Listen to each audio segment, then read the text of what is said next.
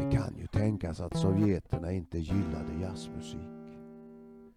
Och att de tyckte det var slöseri med tid att köra motorbåt över fjärdar och genom gamla smala sund. Och att de ansåg att eh, det var brackigt att vilja ha liljekonvaljer och rosor runt omkring sig året om. Men det var större skillnader på oss än så. Körkaren Stalin satte folk som han kunde lita på genom att hålla deras familj som gisslan i ledning för de många olika revolutionära projekten. Han visste allt. Något om dessa ledare som kunde skicka dem rakt till Sibirien. Om inte rent av till det i verkligheten uppstådda gammalortodoxa helvetet ute på Ladoga. Där Valamo kloster omvandlats till tortyrkammare eller djupt nere i Jubljankas källarvalv. Eller ännu djupare ner i Uralska gruvschakt. Han behärskade och härskade med den skräck Lenin piskat upp genom sina masshängningar. Även om jag hade en hel del att hålla reda på också hade jag en motsatt metod att hålla isär projekten. Jag såg till att där fanns en person som jag litade på till hundra procent i ledningen för de olika företagen. Betalade honom bra, mycket bra till och med.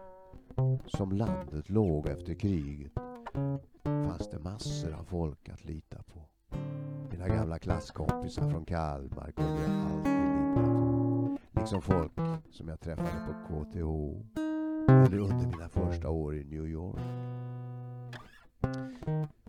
Sedan tiden på Svenska klubben litade jag på folk som de jag redan litade på rekommenderade. Det gjorde saker och ting lätta att handskas med. Koncernen utvecklades ungefär som ett familjeföretag växer. Och det var ju det som var grundmeningen med Trust. Vi som hade gemensamma intressen kunde obetingat lita på varandra. Genom det förtroende vi så etablerade över hela världen kunde vi lösa problem av de mest olikartade karaktär. Det blev en flexibilitet, en sorts organisk sammanhållning som fungerade helt obyråkratiskt. Inom svensk trust kunde helt skilda yrkesgrupper fås att förstå varandras speciella problematik. Och resten av skråväsendets gamla inskränktheter övervinnas. Revisorerna talade klartext med ingenjören.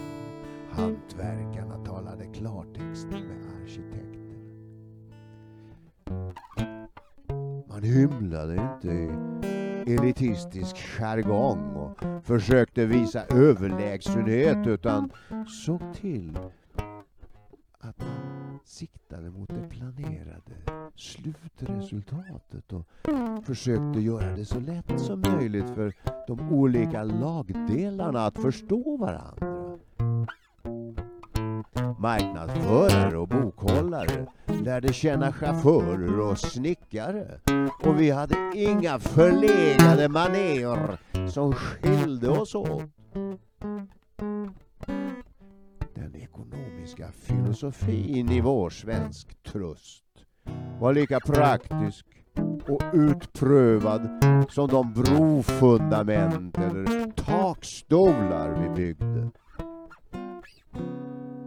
Vi kunde utan åthävor hålla utdelningen på koncernens olika papper hög och kunde motverka att kursen vid bästillstånd sjönk lika mycket som andra papper. Hade vi ett dominerande intresse i en industrikoncern ökade intresset också hos externa sparare och investerare och aktierna steg. Man ansåg att vi var ägare som tillförde koncernen värde och därmed uppfyllde profetian sig själv. De globala och lokala företagsproblem svensktrusten tog tag i blev lösta och de industriella och finansiella processerna effektiviserades, moderniserades.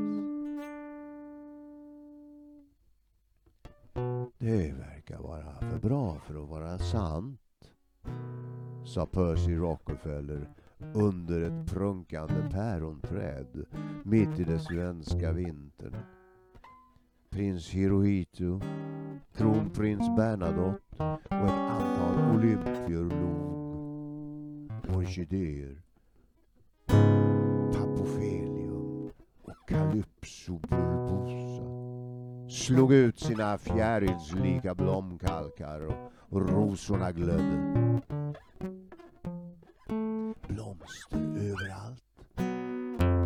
Jag hade låtit typ bygga en vinterträdgård där vi celebrerade. Och vi fick dem alla att känna sig kreativa. Blomster i alla årstider. Vi hämtade blomster och hela friska fruktbärande päronträd från alla delar av världen när vi arrangerade större fester och konferenser. Det fick kosta vad det kosta ville.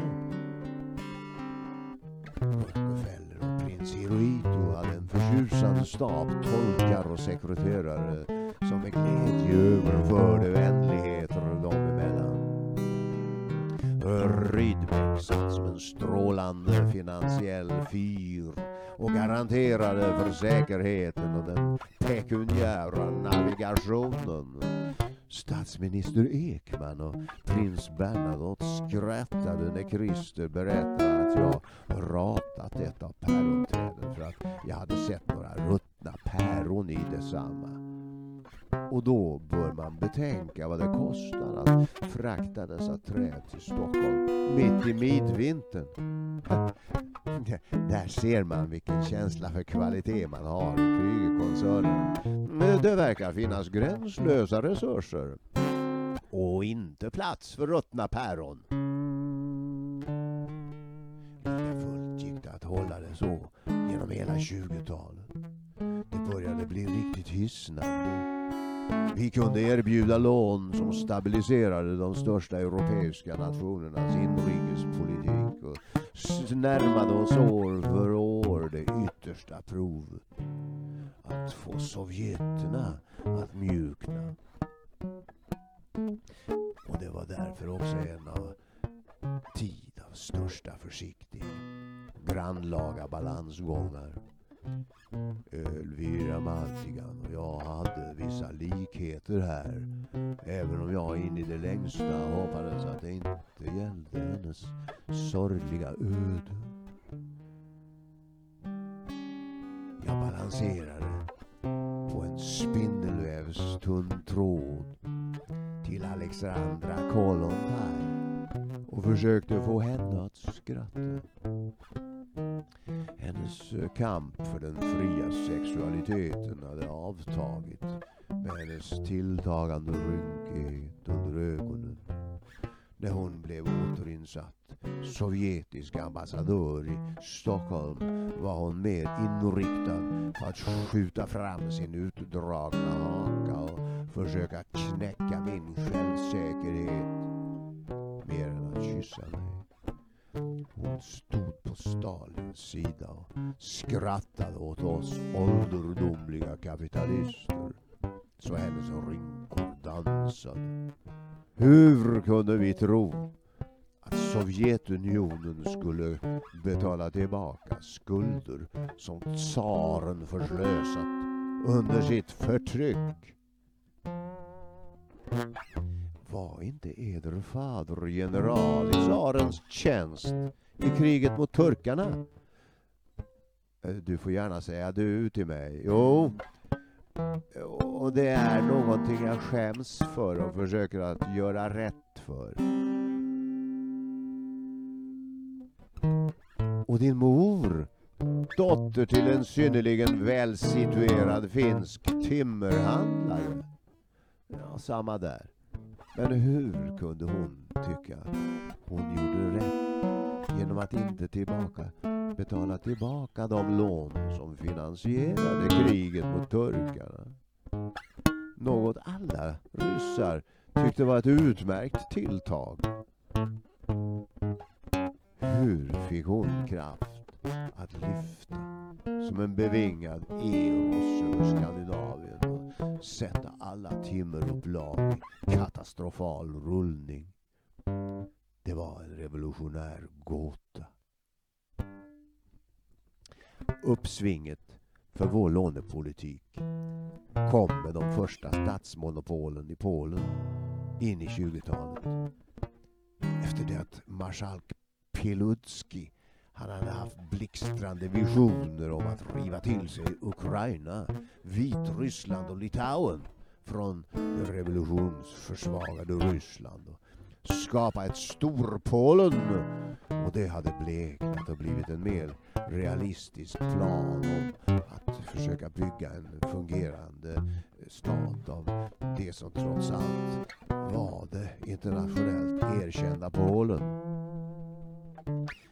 Den lysande pianisten Paderewski som fört upp Polens sak på det internationella planet valdes till premiärminister direkt efter krigets slut i december 18 och lät därmed sina nationalistiska drömmar möta verkligheten.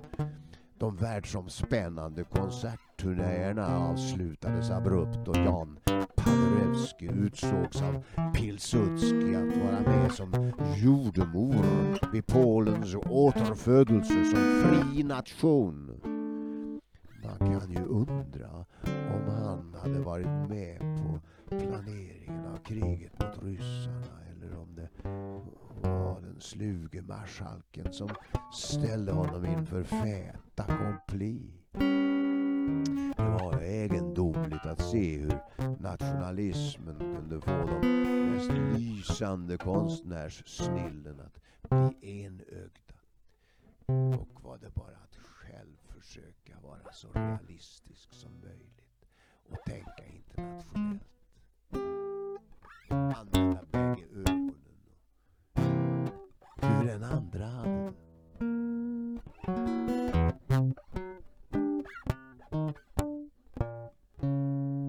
Lagstiftningen i de pånyttfödda nationerna var i flux.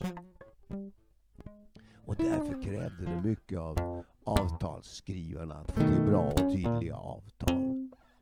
Det var min bror Torsten som var mest framstående på att sy ihop dessa avtal.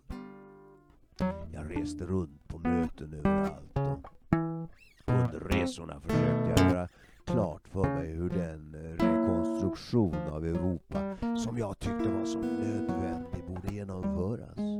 Ju mer jag tänkte på saken, ju nödvändigare ansåg jag det vara att bidra till att såväl polackerna som hela övriga Europa kunde komma igång igen med byggnationen av industri och att folk fick någonstans att bo och att de hade energi till sin verksamhet och att de rent praktiskt kunde förflytta sig och sina ting.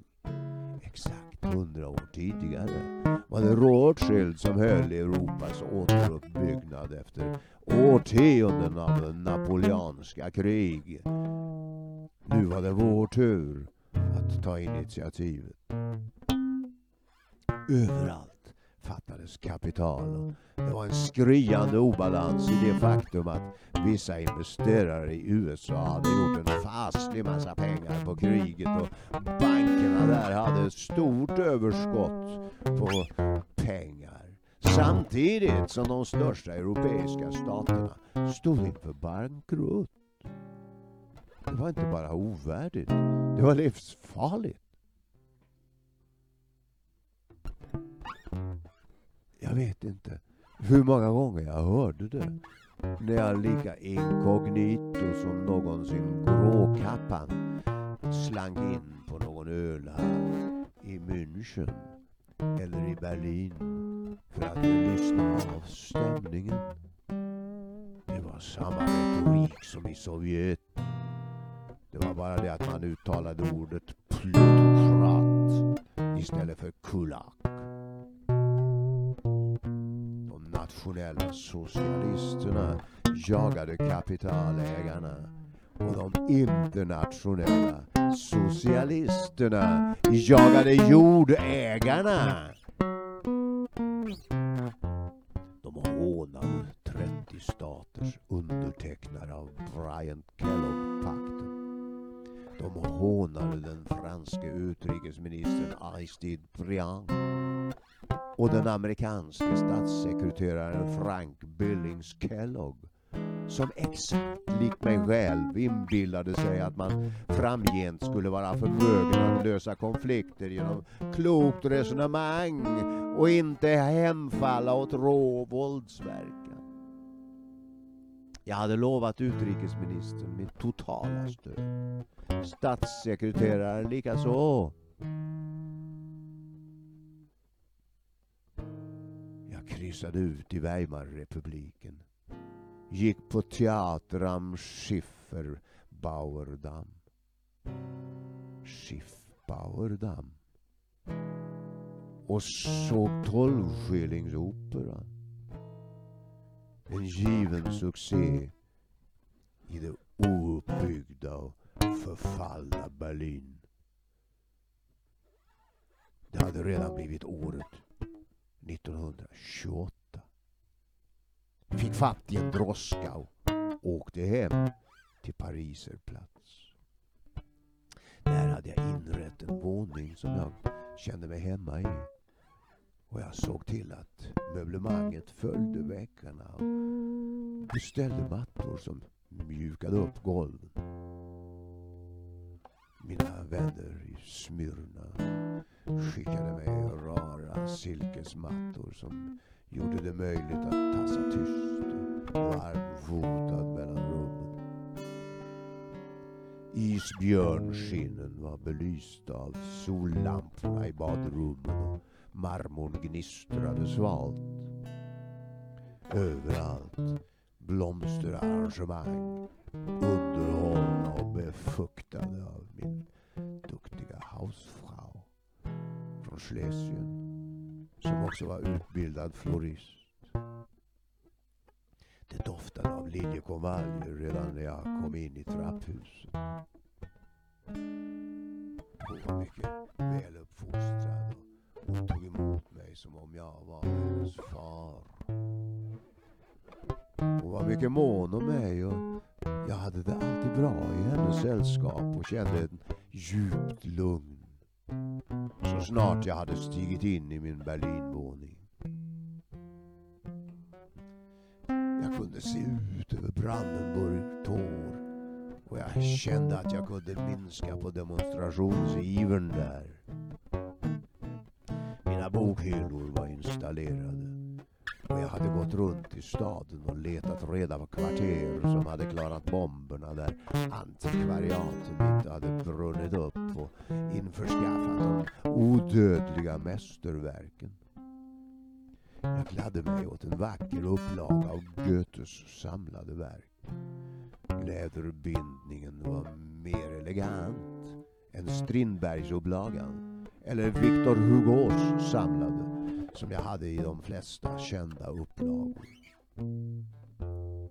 Där hade jag låtit binda in klassiker och placerat dem i ordnade följder. Det var lätt att hitta fram när jag kom sent om natten och behövde flykthjälp av en mästare. Ibland räckte det med att se på någon av Zorns dukar för att få denna hjälp. Men böckerna var trots allt mina bästa vänner bland de döda tingen. Det var kanske en del som tyckte det var lite väl lyxigt att ha stora bibliotek i fyra, fem världsstäder men jag älskade att omge mig med god litteratur. Jag kunde bara inte låta bli. Jag byggde inga slott. Men jag såg istället till att ha filosoferna, poeterna, författarna och konstnärerna och deras verk omkring mig där jag bodde.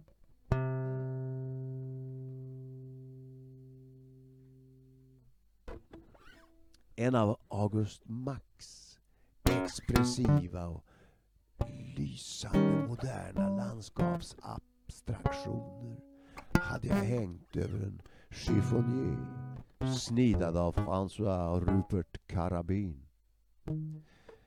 Den eh, tyske målaren Macke hade stupat en av de första dagarna efter krigsutbrottet 14. Men hans verk trängde vidare in i framtiden. Karavins möbler stod där de stod och gick ingen vart. Jag njöt av den estetiska polariteten igen. Att läsa och arbeta i Berlin var särskilt stimulerande de där allra mest hektiska åren. Jag tog mig tid att då och då sitta på Café Kranzler och läsa dagstidningarna och njuta av servitrisernas och rörelsemönster. Och jag tog mig undantagsvis även tid att bjuda besökare på Cabaret Krakadao. Om inte annat för att skaka om dem rejält. Att ha telefonkontakt med mina medarbetare räckte långt och telegrafen fungerade bättre och bättre. Genom min förmåga att arbeta 20 timmar om dygnet och dessutom göra det koncentrerat kunde jag förbereda mig för möten med industrigrupper och regeringsledamöter och alla de fredsälskande människor som ville bygga upp och som hade kraften att viljan att skapa mer än att trasa sönder. I den tyska filmbranschen började det hända saker igen och jag flydde då och då in bland befriade, självupptagna filmdivor för att vila från de korrekta förhandlingspartners jag tillbringade hela dagar och nätter tillsammans med. Det var mer lossläppta förhandlingar med Ernst Lubitsch, Rex Ingram och Moje Stiller. Boye var som mest i ropet var jag igång med att försöka förena de tyska filmbolagen UFA, Pathé och Vesti med svensk filmindustri i ett europeiskt konsortium som skulle kunna göra Hollywood-rangen stridig om var den främsta filmkonsten skapades. Greta Garbo ville stråla med oss men Moje eh, hade fått en släng av övermod. Signerade kontrakt till höger och vänster, både för sig och Greta. Och det gick inte att få ordning på skaparkraften. Jerusalemstämningen avtog och vi tvingades skjuta upp projektet på obestämd tid. Men en sak var säker och det var att de flesta unga människor var trötta på kanoner skyttegravar, ransoneringskort och den smygande skräcken att kallas in och skickas till fronten tillsammans med sin häst eller automobil. De ville se film. De ville se allvarlig och innerlig film. De ville se Fritz Langs Siegfried Drakdödaren med den långhårige och vackre Paul Richter vid svärdet. De ville även se hans Metropolis, skräckvisionen av industrialismen som det iskalla slaveriet, människorna mindre värda än maskiner. Allra mest ville de kanske roa sig med Rudolf Valentino. Att bara dansa bort. Men att besöka en filmlokal och samlas i stora grupper utan vapen, utan att gräla och istället se kampen mellan de onda och de goda på the silver screen var något inte alla gillade. Svartabörshandel i potatisbranschen som blev feta på folks hunger och byråkratisk dumsnålhet och en handfull vapenmolekyler såg alla på filmkonsten stigande ovilja ju mer de såg av dess krigströtta budskap. Kanske tyckte någon av dem att det gick an med sådana filmer där svärdet svingades. Men de tyckte det var förfärligt att en föredömlig gigolo, professionell sällskapsdansare, kunde få en högre lön än en marskalk. Krupp, Sacharov, Schneider och Nordenfelt gjorde pengar på krig och inflation. Men stint förmågan att göra inkomster både på inflation och deflation. Och hade tentaklerna djupt i tysk filmindustri. Han tutade varningssignaler när jag kom. Men han var utarbetad i sin splittring och dog 1924. Och folk fick veta att han hade förtjänat oerhört på den tyska ekonomiska kollapsen. Och de fick veta hur han hade vidare investeringshorisont än de flesta andra av sina tyska landsmän. Det var som en usel film att se när Hugo Stinn, som bara blev 54 år gammal, hur man slogs om splittrade koncernens olika delar byggda på enorma inköp av splittrade värden när valutan kollapsade. Han var den som gjorde vad andra inte vågade. Satsade när allt gick illa. Han skaffade genom sin djupa förankring i ryskt säll, tyst sällskapsliv där långa rader av deprimerade politiker och finansmän diskuterade hur de skulle överleva. Stora välfungerande industrier som staten slumpade bort i sin konkurs. Dessa industrier underhöll han till dess att valutan stabiliserades och samhället började fungera igen. Kompetens. När vi upphandlade kvarteren mitt i mitten var Stinn upptagen med andra uppköp och störde inte alls processerna. Det är stor skillnad på att köpa fastigheter där det bor en massa rikt och mäktigt folk i huvudstadens centrum och att köpa industrier. Men är det. Och det är att det innebär att köparen står med ett stort ansvar för de människor som följer med på köpet. Jag höll ett öga på Stinn under hela min tidiga Berlin-tid och jag såg och lärde. Jag höll det andra ögat på de internationella industrierna och undvek kreosot, Vickers Limited, Skoda och deras utgrenade dotterbolag. Jag förde anteckningar om vilka som hörde vart och vilka typer av giftiga varor de handlade med. Så fort jag hörde dunket ur en vapensmedja vände jag om. Om det inte gällde en Remington M 1867 kaliber 450 Express med Martinis Henry-mekanism från John Rigby and Company, London. För mina samlingar. Jag gjorde lappkast när jag mötte Cecil Rhodes svansande gossar. Beundransvärt välorganiserat deras värden såg ut att vara.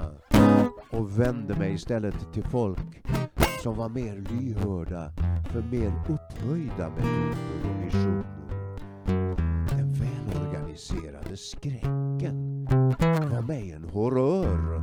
Vare sig den var rhodesisk eller stalinistisk.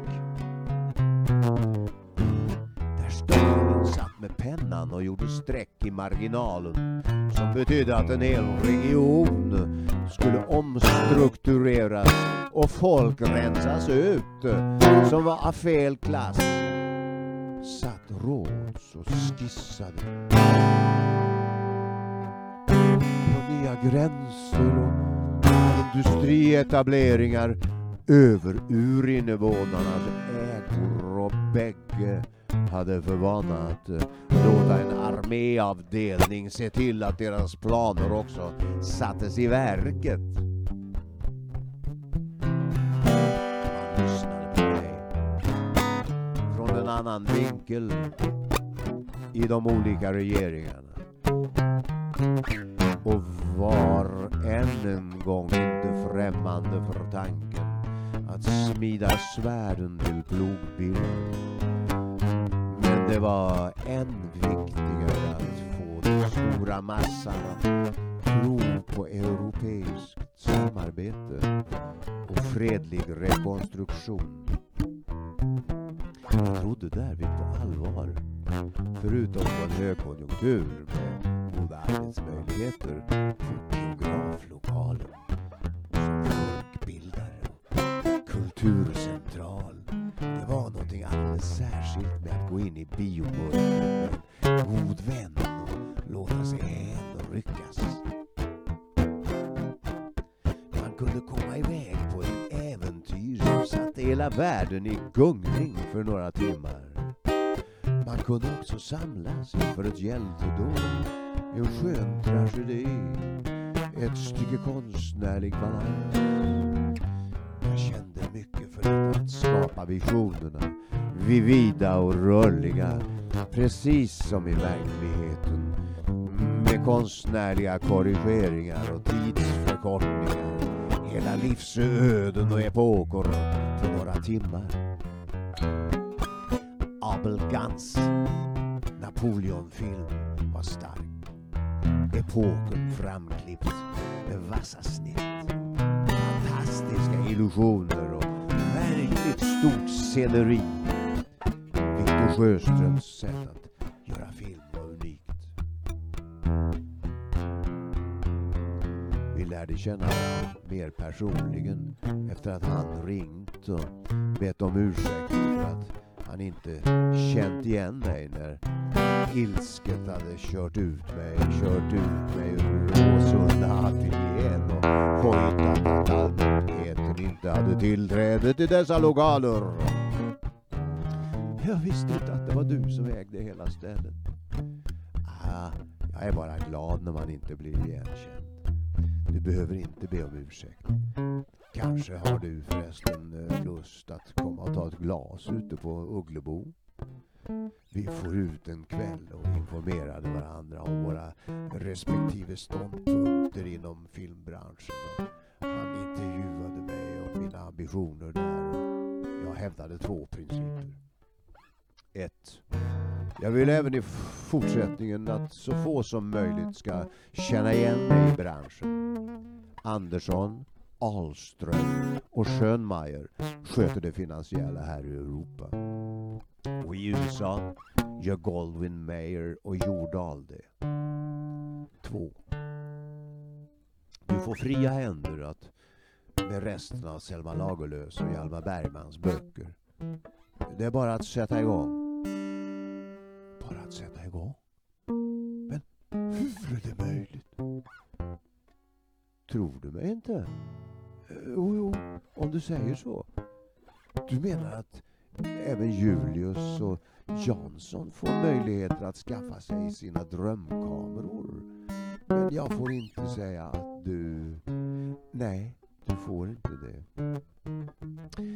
Att få fria händer i filmbranschen, Ivar. Det låter nästan för bra för att vara sant. Där bodde en underlig gråsprängt en. På den yderste Nögne ö. Jag drog mig samman i min soffa och han reciterade med ögonen långt i fjärran. Stort har jag mistet, men stort jag fick. Bäst var det, kan hända, det gick som det gick. Och så får du ha en tack då, Gud. Han log plötsligt med ett mjukt och vänt leende. Blev sitt normala lilla jag och fortsatte. Det är i motsats till mig själv jag säger detta. Du gör ju bara gott mot mig. Och jag känner mig lika upprymd som när jag hade cyklat till Grimsta och lärt känna Terje Vigen. Och Edith Erastoff? Han såg förvånat på mig. Nej, henne lärde jag känna senare när vi filmade ute på Landsort. Hur kan du veta? Det är rent otroligt vad en kvinna kan få en till. Hur så? Nu var det min tur att haja till. Jo, när vi höll på att klippa fick vi se att några viktiga simscener var förstörda. Trots att det var i november månad for vi ut till Landsort igen och jag kastade mig i och de energiska soldaterna sköt efter mig och jag dök och simmade. Isen hade frusit vid strandkanten. Det var en ovanligt kall höst. Men trodde jag led? Eller kände mig plågad? Nej, jag var glad som en speleman och Edith stod bredvid fotograferna på bryggan med handdukar och klappade händer när jag helt utmattad försökte ta mig i land. Magnusson och Gigi såg nöjda ut. Hade hon bett mig att simma till Gotland hade jag gjort det.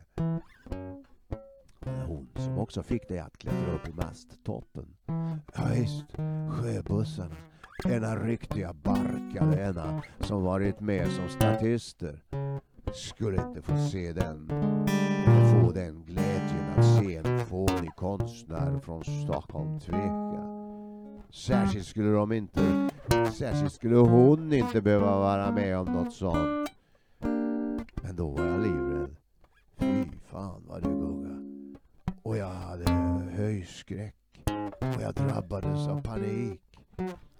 Övertygad om att jag aldrig skulle komma att ta mig ner annat än som en skadskjuten fågel. Hur det nu gick till hasade jag ner och lugnade ner mig och bara häpnade över mig själv och mina handlingar. Inför Edith höll jag masken och hon inspirerade mig bara vidare och vidare. Det var rena turen att jag inte blivit blind på kuppen. Jag simmade mellan exploderande sänken som han utlöste från land och skärvorna ven. Vattenkaskaderna slog rakt in i ansiktet och jag simmade som en galning. Det är en stark rollprestation. Du har sett filmen? Självklart, Viktor. Det har vi väl alla? Det var hennes förtjänst. Alltihop. Mm. Inte Ibsens. Nej. Och inte Molanders heller. Det var hon som fick mig allt längre och längre ut i nya faror. När vi spelade in Berg-Eivind på Njolafjället vid Abiskojokk gjorde jag en scen vid ett stup. Jag, jag hängde 135 meter över marken och dinglade i en buske. Då raknade kroken i säkerhetslinan och jag var med hela min tyngd tvungen att lita enbart på busken. Den höll uppenbarligen. Ja, den gjorde det. Men det kunde ha blivit mitt livs sista scen. Jag var övertygad om att min allra sista sekund var kommen. Men det är häpnadsväckande vad en dvärgbjörk sitter bra fast i en fjällvägg. De hann få ner nya rep och krokade tag i mig och när jag kom upp på klipputsprånget stod hon där och såg förtvivlad ut. Jag haltade fram och tröstade henne. Jag tröstade henne. Ingen märkte på mig att jag var halvdöd av skräck. Han verkade så bräcklig mitt i sin tordöns storlek och sitt suveräna konstnärskap. Det var nog därför jag ömmade så för honom. Han gjorde ett hantverk som för första gången genom filmhistorien fullt ut gjorde bruk av den vilda naturen. Men ändå bara som en bakgrund till den kamp han skildrade. Kampen mot övermakten. Kampen mot alkoholen. Kampen mot tbc-fördärvet och förruttnelsen. Han hade en svår kamp med sin faders bild också. Körkarn och döden. Faders bild och moders bindning. Jag funderade på hur det där fungerade. Alla i filmbranschen hade ju den här tiden läst lite drömtydning och man kunde inte låta bli att tänka på det bakomliggande och ständigt närvarande driftslivet. Oidipus och Elektras uppfostring var grekiskt hård och stygg. Sjöströms, snyggt svensk. Hemma i Kalmar var det däremot snälla smålänningar. Sjöströms var styggt svensk. Men hemma i Kalmar var det däremot snälla smålänningar. Modersbindning. Jag gick in på begreppet som om det gällde en bindning av brospann. Jag kunde verkligen vara mycket praktisk även när det gällde psykologi. Ett sammanbundet brospann är starkt. Jag såg min bindning till mor och far. Inte som en boja, utan som en stadgning. Det kan ha varit det som skilde oss åt. Fader Holm där hemma hos Sjöström och Lagerlöf körde alkoholistiskt, tyranniskt och grymt inkonsekvent med dem alla. Hemma hos mamma och pappa kördes aldrig med tvång. De lät oss syskon för det allra mesta göra vad vi ville. Det blommade så fint i deras närhet även när det var aningen knapert. Aldrig en skugga av hugg och slag. Något som självklart berodde på att de hade det fint tillsammans. Jag såg dem aldrig i några intimare situationer men det märktes lång väg att det fanns kärlek i huset. Under det att Sjöström kämpade med sin fadersbindning eller totala avsaknad av fadersbindning och samtidigt bands till modern av ofrivilliga skäl hade jag en harmonisk, stärkande bindning till de mina. Mellan oss bröder fanns en viss repellerande kraft som jag tror berodde på att Torsten kände en viss underlägsenhet av rent barnsligt självklart slag. Jag var ju fyra år äldre än han och när han var nio, tio sådär och jag var tretton, fjorton beundrade han mig och höjde upp mig. Det var ju inte så konstigt. Skillnaden i den åldern är ju stora. Jag bytte inte längre bara frimärken utan även unga damer med Kalmarborna. Och inte bara dem. Torsten och jag fick ju ta det lugnt med umgänget längre fram i livet. Full respekt för varandra, visst visst. Men han utmanade mig också i en medveten vass tävlan i vissa lägen. I 20-årsåldern planade det ut mellan oss och han kom liksom mer och mer i kapp. Vi for ut i Kvarnholmen. Vi åkte till Häringe. Torsten älskade Häringe. Han var naivt beslutsam om att en dag bli slottsherre där. Och Han blev det. Som den landsbygdsmänniska han var. Han älskade Södertörn.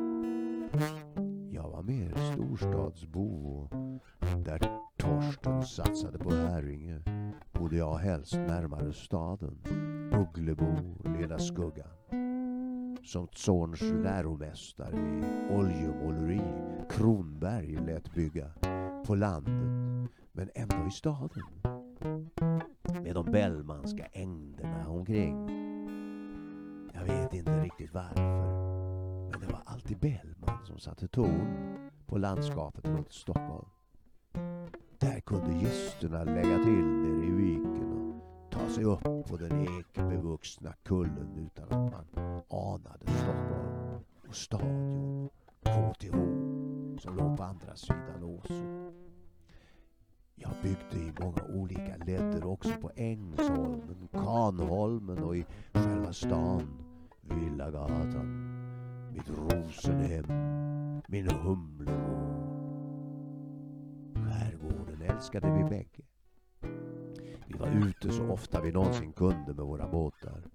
Den pojkaktiga tävlingsivern växtes ute i det fria.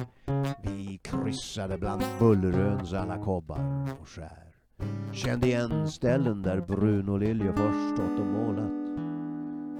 De på stötsidan i nordväst mjuka hällvalven som översköljdes av vågor och de mer framfragmenterade och dramatiska formerna i sydost.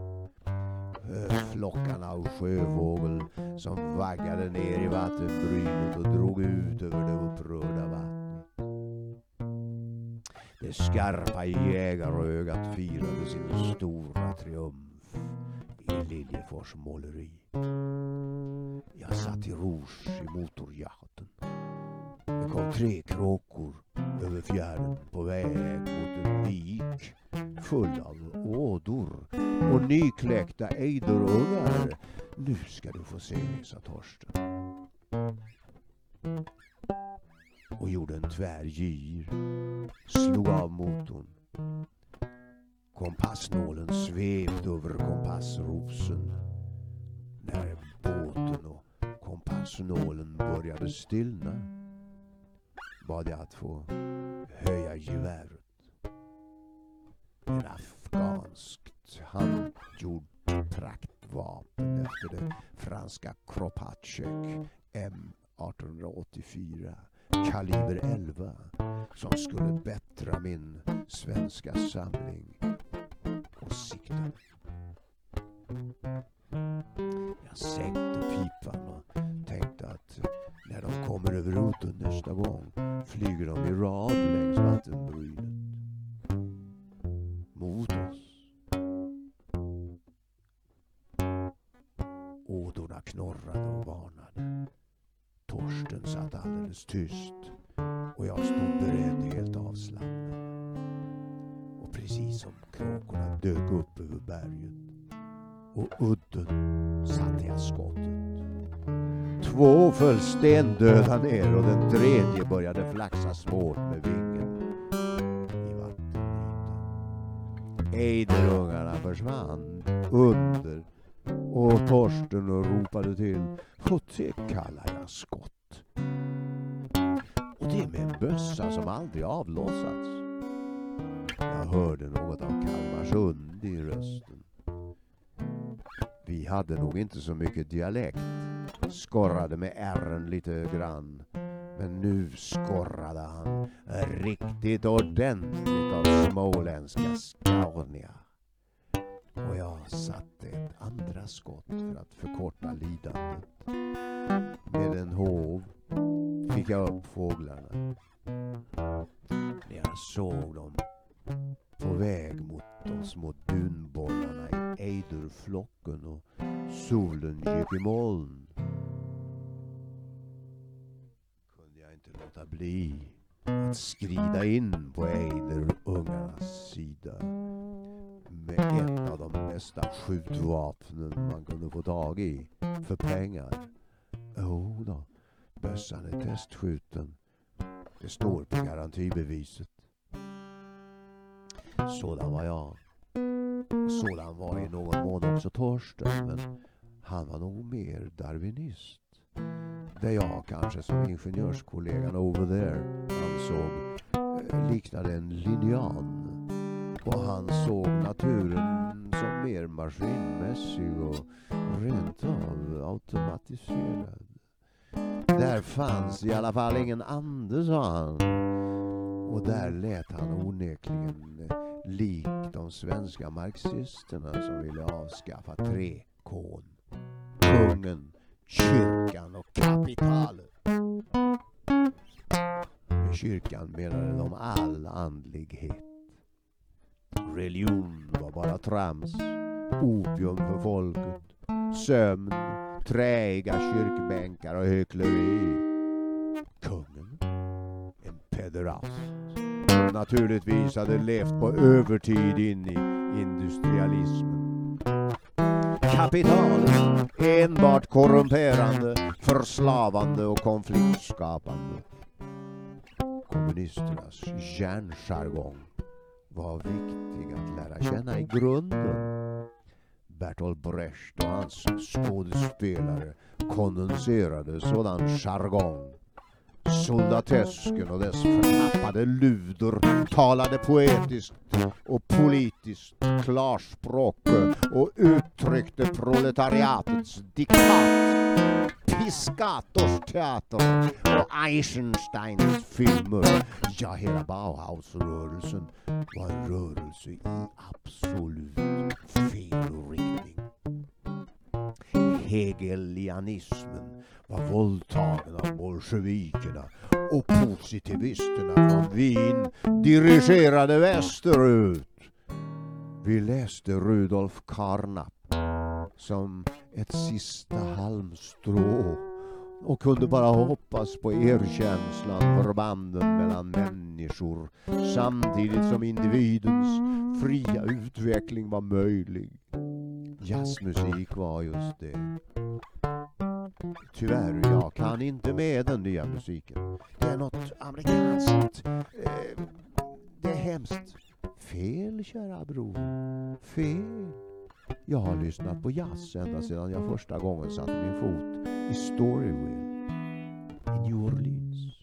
Det är mycket trevligare med den än att vråla order om att hänga så många revolutionsfiender som fort som möjligt överallt. Sätta total skräck i brackorna. Ja, det kan ju tänkas, men jag klarar inte att blanda samman musik och politik på det där sättet. En har sin tid och det andra sin. Om en mycket kortare tid. Politiken ska vi hålla oss undan. Så mycket som möjligt.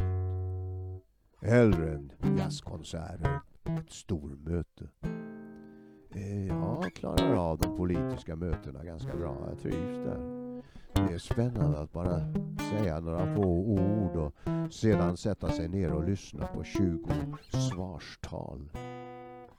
Kvalitet, ja, ju mer man har att erbjuda, ju mindre behöver man säga. Det är realpolitik. Som baserar sig på de ekonomiska sammanhangen. Grunden är den fria ekonomin. Utan den rasar förr eller senare alltihop. Ja, jag håller med. Det egendomliga är att nästan ingen tycks inse det i öster trots att det fungerar så bra i Amerika. Jo, men det är skillnad på nybyggaranda och revolution. Det ena på jungfrulig mark med ett antal underkuvade och utrotade indianstammar. Det andra på anor från mångfaldiga förskräckliga tsarer. Torsten drog självklarheterna ur det politiska svamlet och naglade fast de verkligt eh, stora krafterna och rörelserna ute i världen. Men du, tänk på vad du säger, sa jag. Kungen har ju flera gånger visat sig förstå sig på våra mest avancerade idéer. Vi har hans stöd. Att han är intelligent är en sak. Att han är intresserad av gossar är en annan. Det är ju rent av ett eh, gammalt kulturarv. Ja, av den överförfinade sorten. Eh, likt den Cecil Rhodes drev med i världens andra ände. Jag sa inte ända. Eh, jag menade Platon. Och det fantastiska samtal som förs i gästabudet och prisandet av Eros. Ja, för er intellektuella snobbar kan ju Platon... No, no, no, snobbar, jag vet inte. Allt är inte dött bara för att det hör forntiden till. Hur som helst, Vegurra förstår att världen förändras och moderniseras. Han sitter ofta med och vill förstå ministrarna och deras rådgivare och hur de diskuterar den industriella framtiden. Ja, ja, kanske det, men biskop Billing har nog rätt i att kungahusets manligaste karl ändå är drottningen. Har han sagt det? Ja. Så är hon också dotterdotter till kejsar Wilhelm den förste. Hon spelar i alla fall inte tennis va?